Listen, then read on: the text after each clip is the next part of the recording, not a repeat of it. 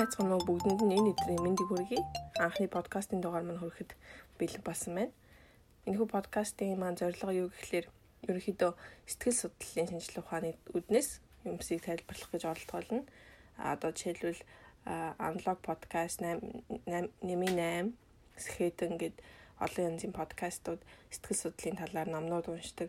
Яаж хувь хүний талаас өөрийгөө хөгжүүлэх үуч гэдэг юм уу те. Хувь хүний хөгжил гэдэг талаа үүднээс маш олон гой дугааруудыг хүргэдэг болоо хоригдгийн байлээ. Тэгээд хүмүүс энийг маш мэддэг сонсдог юм байлээ. Тэгэхээр энэ эдгээр бодлоос нь миний хувь хүн зүгээс харахад бол нэг яаж гэдэг асуултанд хариулж өгч байгаа гоё подкастууд байгаа. Тэгэхээр энэ удаа миний зорилго болохоор яагаад гэдгийг шинжлэх ухаан, сэтгэл зүйн шинжлэх ухааны үүднээс тайлбарлах гэж оролдох болно. Тэгэхээр юун түрүүн сэтгэл судлалын шинжлэх ухаан гэдэг нь юу юм бэ гэдэг талаар бяцхан ойлголт өгөх хэрэгтэй байна. Сэтгэл судлалын шинжлэх ухаан гэдэг нь юу нь бол а бусад шинжлэх ухаан, физикийн шинжлэх ухаан байдаг, химийн шинжлэх ухаан, одоо орон зэрэг янз бүрийн шинжлэх ухаануудтай харьцуулахад юу нь бол түүх багтай шинэхэн шинжлэх ухаан гэж би ойлгодог.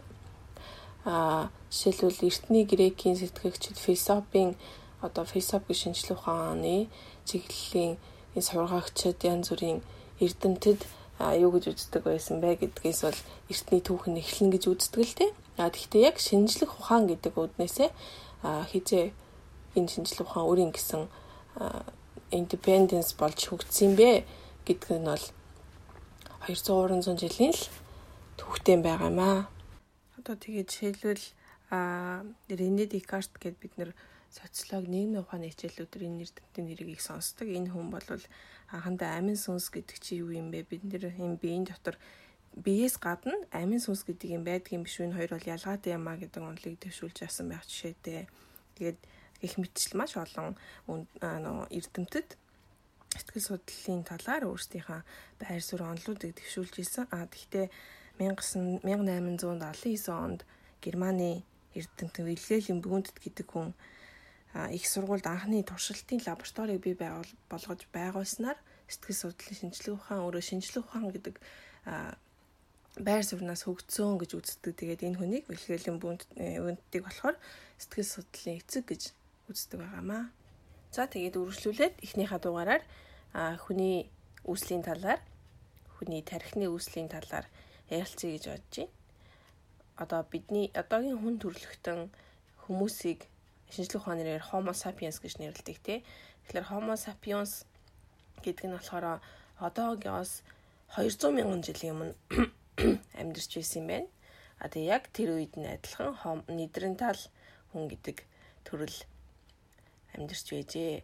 Яг гоо тэрнээс өмнө бол маш орлогон төрлийн хүн төрөл төрхтэй амьтад хүний өвг амьдарч исэн гэж үздэг. Тэрийг бол би бас одоогоор сайн санахгүй байна л та. Тэгээд Homo sapiens Neanderthal хүн гэдэг хоёр нь болохоор ерөөсөө нэг үүсэлтэй зэрэгцэн амьдарч байсан юм байна. Тэгээд жишээлбэл энэ үед л хүн одоо бидний өв дээдс гэхүү те одоо адилхан хүн төрөлтэй тэр хүмүүс маань жишээлбэл яг Neanderthal-ууд болохоор хараагүй болсон хүн дээрээ хараагүй болоод гэмтэл авцсан Neanderthal хүний ясыг олсон юм байна л да эрдэмтэд. Тэгэд тэрхүү хараагүй болсон нэтрэнтал хүнийг бусдад хижээж арчилж байсан гэдгийг тухайн экспедицийн судалгаагаар тогтоосон байгаа. Тэгэхээр энэгээр юуг харагдж байна гэхээр нэтрэнтал 200 мянган жилийн өмнө амьдарч исэн одоогийн homo sapiens-тэй хамтран амьдарч исэн тэр хүмүүс бол сэтгэл сэтгэл зүйтэй сэтгэл хөдлөлтэй гэхүү те а би бинийгаа хайрлж инэрдэг байсан юм байна гэдгийг тодорхой болгож өгсөн байгаа. Тэгээ түүнээс гадна яг тэр одоо булшнаас а оршуулсныхаа дараа цэцэг дэвссэн байсан гэдгийг цэцгийн тоосын нэг олдороос тогтоосон байгаа. Тэгэхээр хичнээн 200 мянган жилийн өмнө л хүмүүс бидний нэг төрөл бие бинийгаа ингэж хайрладаг байжээ гэдгийг энэ судалгаа харуулсан байгаа. За яг хөө энийг зүгээр сонирхол сонирхолтой болов гэд хэлээд өнгөрч байгаа. Тэгэхээр Аа за тэгвэл яагаад Homo sapiens Neanderthal гэж хоёр хүн байхад үдид бид нэр Homo sapiens нь л амьд үлдсэн юм бэ гэдгийг тайлбарлах гээд оролтъё. Тэгээ газар нутгийн хувьд тайлбарлаад хэлэх юм бол а Homo sapiens-ууд нь болохоор энэ Африк төв те одоогийн Африк төв а Нидерландууд болохоор Евразийн хүйтэн бус нутагт амьдардаг байсан юм байна гэдгийг энэ археологийн олууруудаар их нээдэг юм байна.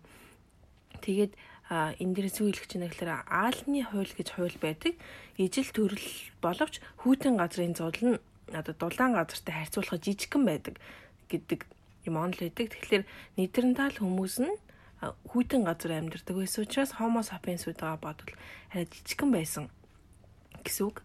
Аа тэгээд тухайн төрөл зүйлийн зүйлийг одоо ингээд судалгааны төвшөнд бүх олдуруутай харьцуулахад үзэх юм бол яг ясим дээр Нидерланд хүмүүс нь Homo sapiens-уудаас илүү том тарихтай байсан юм байна.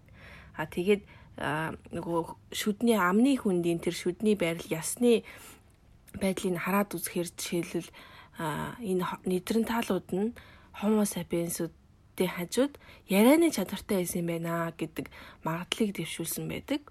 За тэгээд Homo sapiens-ууд нь болохоор тухайн үед хөгжлийн хаа явцад багаж зэвсгийг одоо анх бий болгосон жишээлбэл одоо чулуун зэвсгийн үе гэд ярьдаг тэр чулууг хэрэглээд бид нэр зэвсэг бүтээж болох юм байна гэдэг нээлтийг хийсэн байх нь. А гэтэл Нидерландууд тэр хүйтэн бүст амьдардаг хүний төрөл зүйл нь болохоор зэвсэг хэрглэж болох юм байна гэдгийг нээж чадаагүй өөрчлөгдөөгүй юм байна. А тэгээ дээрэс нь Нидерландууд нь гэр бүлээр хамтран амьдардаг хэр ямар нэг нээлт хийсэн ч гэсэн тэр нөгөө нэг дараагийн омог отоглуугаач байт юм уу те тэр нээлтүүд нь дарахж чадахгүй байсан гэж үздэг юм байна. Аа тэгээд ер нь бол энэ нодерн таалууд цаашид одоо хөгжиж амьд үл чадаагүй гэдгийнх нь нэг тайлбар нь бол энэ зэвсэгтэй холбоотой гэж үздэг юм байна. За тэгээд харьцуулж үзэх юм бол а булчингийн чадвар те булчингийн хөдөлгөөнч гэдэг юм тэр үднээс нь авч үзэх юм бол а Нидерландууд нь хамаагүй мундаг чадaltaй байсан юм байна.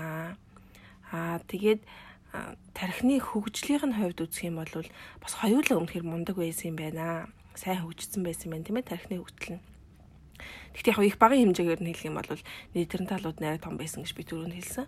А тэгээд хамгийн гол нь амьд үлдэх чадвар гэдэг нь одоо юу хэрэгтэй тэр үед байсан бэ гэхлээр нөгөө бүлгээр хамтран ажиллах бүлгийн чадвар багийн ажиллагаа гэдэг маш чухал байхад а Нидерландууд гэр бүлээрээ амьдарч отгоороо амьдардаг болохоор а Homo sapiens-удаас тэр нээлт тархагч гэдэг юм уу хамтран ажиллах гэдэг сул тал дээрээ маш сул байсан учраас энэ ингээд энэ төрөл зүйл усцсан байна гэдгийг эрдэмтэд тогтоосон байна.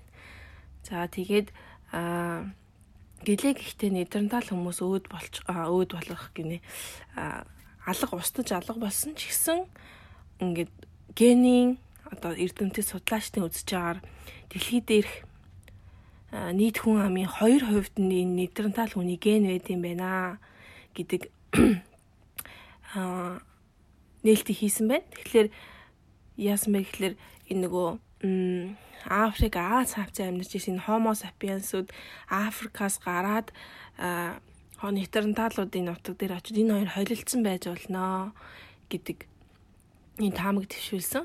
Тэгээд энэхүү 2% ген нь яадаг вэ гэхлээр айгу ашиг тустай генүүд юм байна. Яагаад гэхлээр хүний дархлааны системд их эерэг нөлөө үзүүлдэг, дархлааг сайжруулдаг тийм дархлаа сайтай ген гэсэн юм те байдгийм байна гэж тогтоожээ.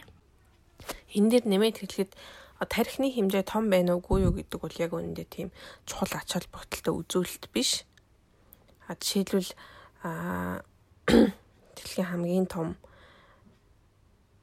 хөхтэй амьтан халим жишээлбэл 9200 г тархитай байдаг байх нь байна. Жишээлбэл заан хорой газар хамгийн том амьтан 4660 грамм тархитай байдаг байх нь байна.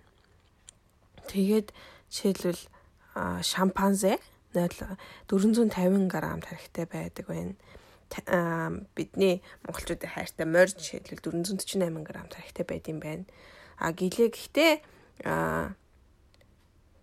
хичнээн их сонсогдож байгаа 9 кг 200 г тарихтай хайлан гэж агуу том тарихтай амт юм биш үү гэд бодохоор тийм биш. Ягаад тэгэхээр тухайн амтны өөрийнх нь нийт биеийнх нь жинтэй харьцуулж үзэх юм бол энэ ерөөсөө л 0.2 хувийн л эзэлж байгаа. Зааных бол жишээлбэл 0.23% эзэлж байгаа жишээтэй.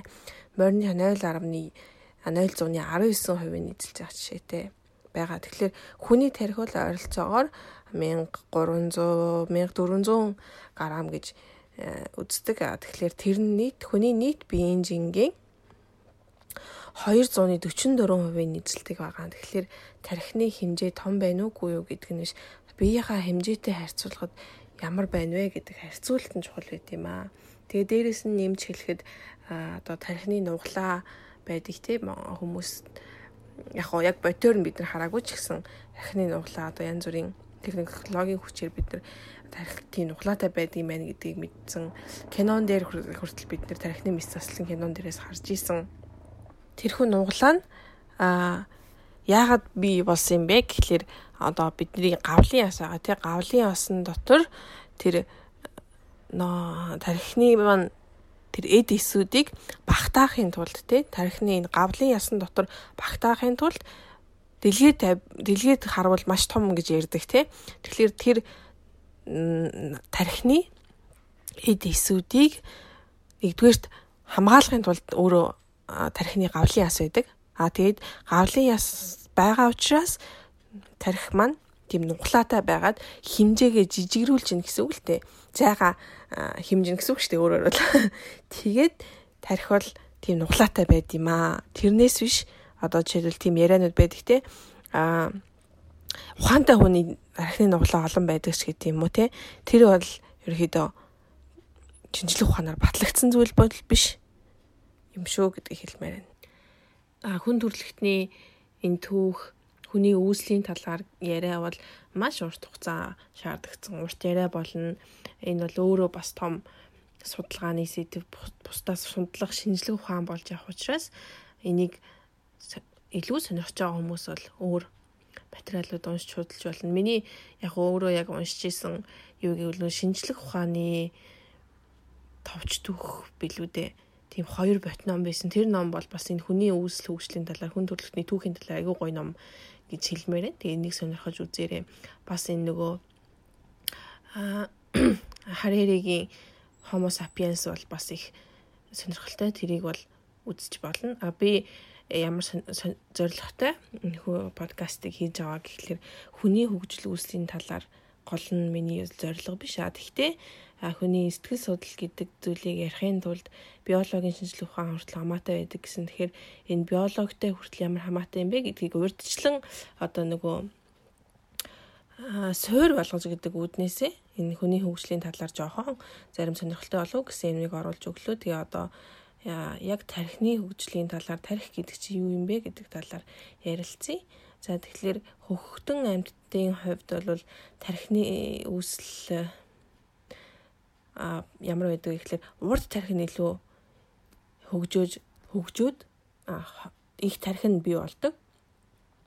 А тэгээд яг ингээд энэ яриад явж байгаа болохоор хүмүүс хэрвээ тархины талаар илүү сонирхол нэг ойлгохыг хүсэх юм бол тархины зургуудыг интернетээс хараад хараад тэрийг яриад байгаа зэрэгцүүлээ сонсоод явбал илүү ойлгомжтой байх болоо гэж бодож байна.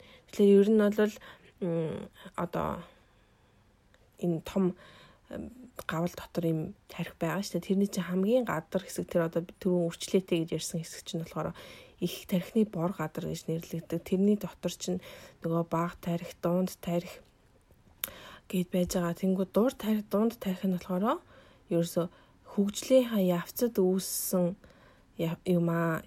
Тэгээд уртвдар тарих гэж байдаг те. Тэрийг тэр нь болохоор тэр тарих маань болохоор яда их хөгжлийн хөгтэн амтны хөгжлийн эхний үедээ бол тийм тарих байгаагүй маа. Тэгэхээр энэ бол сүулд үүссэн тарих гэсэн үг. За тэгээд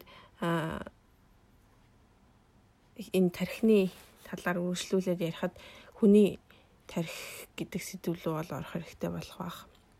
Тэгэхээр өндгөн а эр бэлгийн истэ нилээд үр тогтлоо тий. Тэгээд үр тогтсон өндгөн ис 30 цагийн дараа анхны хуваагдал үүсдэг. Аа тэгээд анхны хуваагдлууд нийлсэн эс маань 2 болж байна гэсэн үг тийм ээ. Тэгээд түүнээс хойш 55 цагийн дараа болохоор 8 ширхэг эс болж цаашаа задардаг юм байна. Тэнгүү 70 цаг усны дараа тэр анхны үссэн эс маань 16 болж өсдөг байх нь.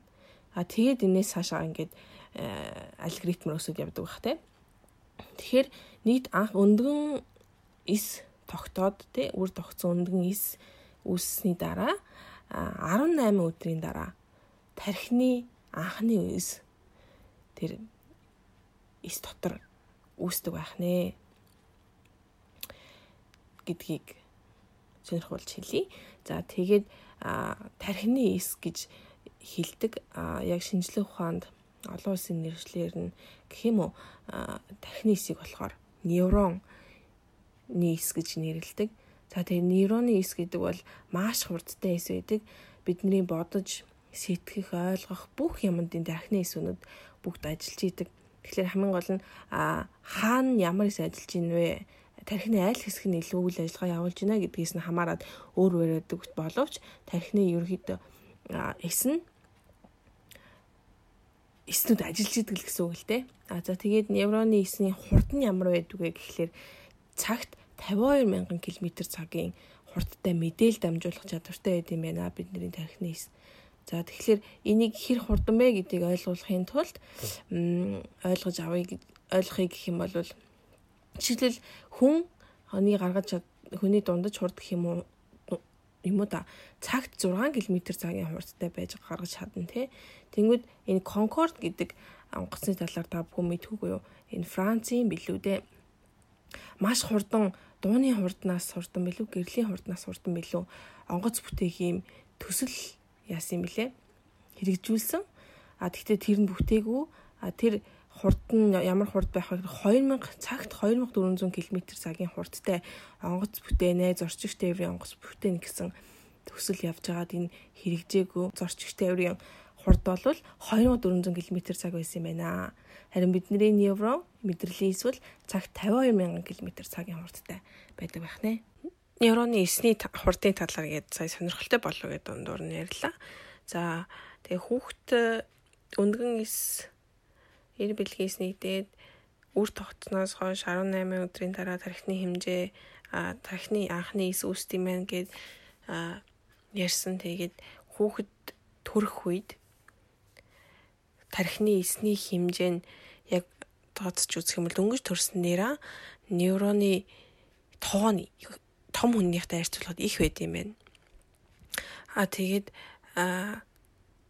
хүүхдийн тэрхүү тоо нэг тэрнээс гадна аксион гэж нэрлэдэг. Эдгээр зүйлүүдийг оксан гэж нэрлэдэг. Эдгээр эс хоорондын холбоосууд нь уян хатан чадвартай байдаг том хүнтэй харьцуулахад А тийм учраас бага насны хүүхдийн тархин гимтсэн ч гэсэн а гимтэлгүй үлдэж чадсан хэсэг нь өөр одоо үүрэг гүйцэтгэх чавдартай байж болдог тийм тохиолдлууд байдаг. За тэгээд дээрэс нь анх төрөхөд нейрон нейроны эс нь их байсан боловч багасдаг тэр нь томрох нас одоо хөгжлийн биеийн хөгжлийн хувьд тэгээд хичнээн багассан гэж хэлж байгаа боловч одоо жишээл неврон баг учраас юу гэдэг том хүнтэй харьцуулахад ийм тийм гээд харьцуулахж харьцуулж болтгоо. Яагаад тэгэхээр устсан гэдэг нь устсан гэхээсээ илүү нөгөө нэг тус бүрийн нэг одоо неврон нэг нэг неврон нь одоо тухайн хүүхдийн биеийн хөгжилтэй зэрэгцээд хүүхд өсөж том болдог тэрнтэй адилхан невроных нь хэмжээ нь бас өсөөд тэгэхээр тэр нь тоон багассан гэж харагддаг гэх юм уу? Тийм байд юм байна. За тэгээд саяхныг утал жишээлбэл хүмүүс одоо стрессээр бидний тархины эс үхдэг гэж ярьдаг. За тэр бол үнэн. А гэхдээ стресснээс ч болд юм уу одоо янз бүрийн тохиолдлоор гэмтэл өвчин согог юу ч байдیں۔ Янз бүрийн тохиолдолд бидний тархины эсүүд үхчихийдэг. А тэгээд тархины эс үхээд үхтсэн тохиолдолд дахиж нөхөн сэрэгдгүй маа гэж саяхны готл шинжилгээ ухаан бодож явж исэн. Гэхдээ саяхны нээлтүүдээр тодорхой хэмжээнд жишээлбэл таны тархины нэг хэсгийн мянган эс үхлээ гэж бодоход мянгуулаас ирэхгүй а тэгтээ тодорхой хэмжээнд дахин эс үүсдэг юм байна гэдгийг шинжилгээ ухаан тодорхойлж нээсэн байна. Яагаад хүүхдийн тархины нейроны эс нь олон асан төрсөн хүнээс олон байдаг вэ гэдэг бас сонирн байж магадгүй. Тэг яагаад багасны за яг багасна гэдэг нь бол нөгөө хэмжээ нь нэг бүрийнх нь хэмжээ нь томроо тоон зурж байна гэсэн үг шилсэн тий.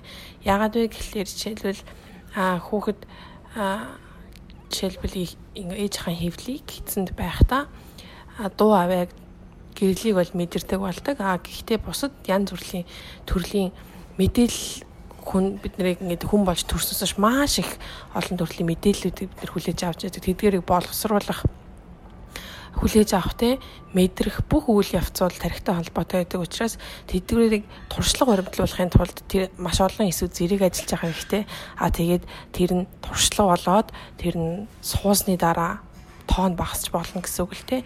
За жишээлбэл ойлгомжтой тайлбарлуулж чадж байгааг уу юу? Жишээлбэл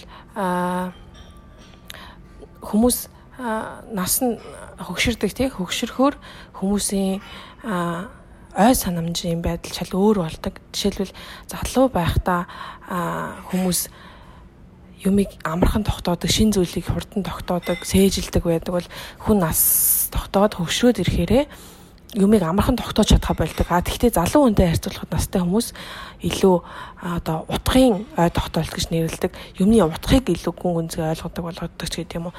Тэр байдлаар өөр болдог. Тэгэхээр бидний тарих гэдэг бол ерөөсөө а төрөхөд нэг байж агаад өөхөх хүртэл нэг байдаг юм бол бишээ. Байнгын бидний биеийн хөгжилтэй хамаарад сайжирч муудаж одоо өөр газрууд нь шинээр ажиллаж ажилтгүй байсан хэсгүүд нь дахиж ажилд эхэлдэг ч юм уу ажилдаг байсан хэсгүүд нь ажиллахаа болдог ч гэдэг юм уу янз бүрийн байдлаар байнга хувьсаж өөрчлөгдөж хөдөлгөөнтэй зүйл юм аа. За тэгээд эрэгтэй эмэгтэй хүмүүсийн тархины хэмжээ өөр байдаг гэж яриа байдаг. Тэгэхээр яг үндэ бол эрэгтэй эмэгтэй хүмүүсийн хооронд 100 г-ын тархины ялгаа бол байдаг.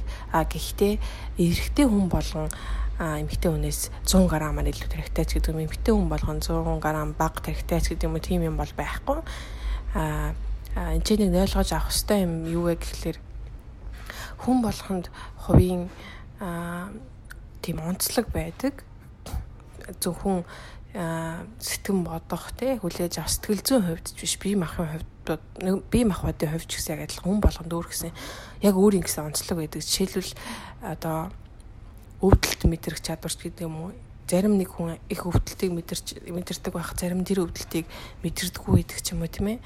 а төсвөрлөх чадвар нь өөр байхад өөр нэгэн тийм биш байдаг ч юм уу хүн болгонд гэсэн өөр өөр юм гэсэн тийм онцлог байд юм аа За тэгээ саяны том жижиг үү гэдэг яриан дээр бол шинэ би нэг жишээг дуртай. Эмэгтэй хүний тархинд дах хипокаламус гэж нэрлэдэг англи монголоор би юу гэж хэлдэг мэдэхгүй байна. Энэ хэсэг нь бол эрэгтэй хүнтэй харьцуулахад том байдаг. А тэр нь ямар ач холбогдолтой байдаг гэхээр эмэгтэй хүн эрэгтэй хүнтэй харьцуулахад одоо ой санамж илүү сайтай байдаг гэсэн үг. Харин бас нэг өөр ялгаан жишээлбэл эрэгтэй хүний тархины одоо дагдсны хэсгээс чүд дээш байгаа эрэх тархины бор гадар нь хийх тэр хэсэг арай илүү том байдаг гэж үздэг юм. Тэгээд тэр нь ямар ач холбогдолтой, ямар үүрэгтэй юм бэ гэхлээр эрэгтэй хүмүүс нөгөө дайтах, тэмцэлдэх, довтлогоо үзүүлэх тийм шинж чанар сэтгэл зүйн байдлаар нэмэгтэй хүмүүсээс ялгаатай байдаг штеп. Тэр нь болохоор тархины нисгтэй холбоотой байдаг байх нь байна. А хувьслынхаа үднээс үзэх юм бол эрэгтэй хүмүүсээс эрттэй үед нөгөө бие хамгаалах гэр бүлийнхнээ хамгаалах гэдэг үүднээс хүчтэй байсан ч гэдэг юм уу? Арай хүч биений хувьд хүчтэй учраас гэр бүлээ хамгаалах ёстой. А одоо араатай амьтантай дайсантайгаа тэмцэлдэх ёстой гэдэг үүднээс тэр чадварууд нь илүү хөгжсөн байдаг бахан тэр нь тархиндаа тэгж нөлөөсөн байд юм байна энэ мэтлэн баг зэргийн мэдээж ялгаа байдаг бидний тарих гэдэг бол ер нь биеийнхаа нийт хэмжээний жингийн 2% эзэлдэг гэж түрүү ярьсан. Тэгэхээр 2% эзэлдэг. Яг 2хан гэж хэлж байгаа чинь бусад амьтад харьцуул маш том хэмжээ тийм ээ. 2% эзэлдэг мөртлөө бид нийт одоо тэр хүний бид хэрэгтэй байгаа нийт хүчил төрөгчийн 20%-ийг ашигладаг. А тэгээд тэрхүү хүчил төрөгчийг тархинд зөөхийн тулд цус хэрэгтэй. Цус тэр хэмжээний одоо нийт биеийн цусны тэр одоо хүчил төрөх зөөх хэмжээтэй их цусыг тарих зөвхөн хэрглэж идэг маш их энерги зарцуулагддаг маш их энерги шатааж идэг тийм ээ тийм хэсэг байгаа юм аа.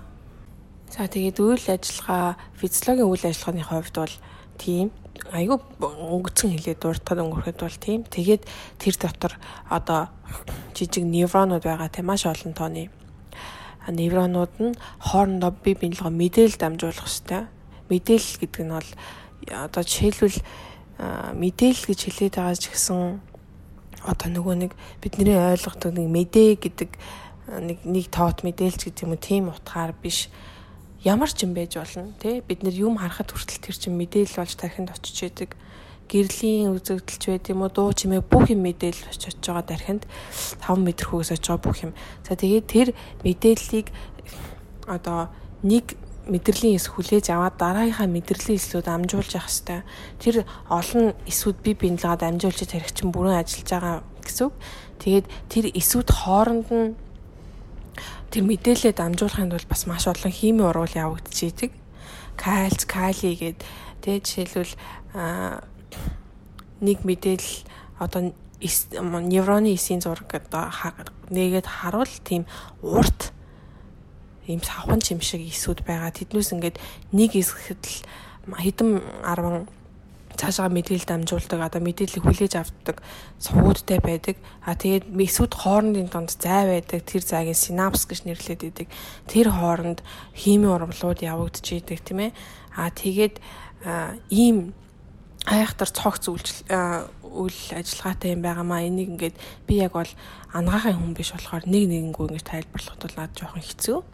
За тэгээд аа яагаад би ингээл тархины талаар байн байн ингэж юм уртын бариад байгаа вэ гэхэлэр бидний бодцдох бүх юм нь тарих хамаатай байдаг. За тэгтээ саяхныг хүртэл жишээлбэл тархил ерөөсөө энэ биеийн хамгийн чухал төвн юм байна. Тархил байхгүй бол ерөөсөө болохгүй маань гэдэг тийм анагаахын шинжлэх ухааны чиглэлүүд байсан. А гэхдээ сүүлийн үе шин шин нээлтүүд гараад бидний дотор эргэтэн одоо бөөр илэг зүрх тийм ээ тэдгээр маань тархинд ямар сигналууд өгдөг юм бэ? Тэднээс маань бидний бодол сэтгэхэд ямар үйл ажиллагаанд нөлөөлд юм бэ гэдгийг маш олон гоё сонирхолтой судалгаанууд гараад энэ бол бид нэр өдийг бол тархил гэдэг бол ерөөсөө хамгийн чухал гэж боддог байсан ойлголтыг бол өөрчилсөн. А тэгээд дараа дараагийнхаа пост подкастн дээр тэдгэрийг чадах ятгаараа би ярина гэж бодож байна. За тэгээд ер нь башлам дэлгэхэд би бол яг анагаахын чиглэлээр тарих мэдрэлийн чиглэлээр төгссөн хүн бол биш. А багш нарынхаа ярьсан, ярьж исэн лекцийн дотроос өөрийнхөө ном тавхимл сэтгүүлүүдээ сонсч исэн юмнуудаа та бүхэн сонирхолтой байх болов уу гэд нэмж хэлж байгаа. За тэгээд анхаарал тавьсан бүгдээрэнд нь баярлалаа. Дараагийнхаа дугаараар дахин уулзъя. Дараа дараагийнхаа дугаар дээр та бүхэнд өшөө илүү сонирхолтой мэдээллүүдийг хүргэх гэж бодож байгаа. Баярлалаа.